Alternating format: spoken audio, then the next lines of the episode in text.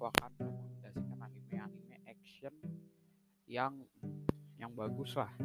Uh, pertama kita ada anime Naruto Shippuden uh, lumayan terkenal tentang perjalanan Naruto menjadi Hokage.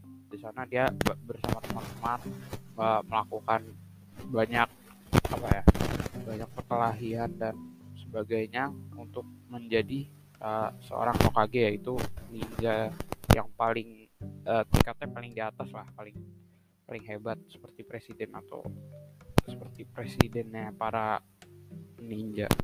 Uh, kedua ada One Piece. One Piece ini cukup terkenal uh, tentang Luffy yaitu seorang anak berusia 19 tahun ya. Sekarang dia ingin menjadi raja raja bajak laut dalam perjalanannya ia uh, menemukan banyak masalah dalam dunia dan ia juga sempat mengalami beberapa bagian sedih beberapa bagian senang. Uh, overall anime ini itu lengkap. Sampai sekarang masih ongoing episodenya udah ribuan. Kedua ada Demon Slayer. Demon Slayer ini bercerita tentang seorang bo bocah bernama Tanjiro yaitu uh, pembasmi iblis dia ingin mengembalikan adiknya menjadi seorang man manusia karena apa? Diubah menjadi iblis oleh oleh ibu suci Muzan uh, dan terakhir ada Attack on Titan. Bercerita tentang apa ya? Bercerita tentang sebuah negara di mana dunia itu di balik tembok.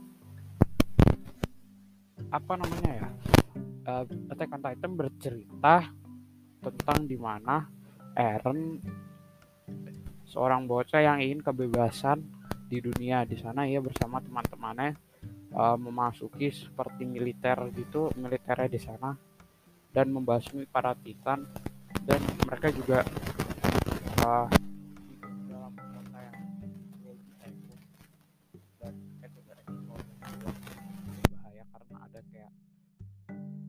monster humanoid yang memakan manusia. Ya untuk uh, rekomendasi itu aja ya.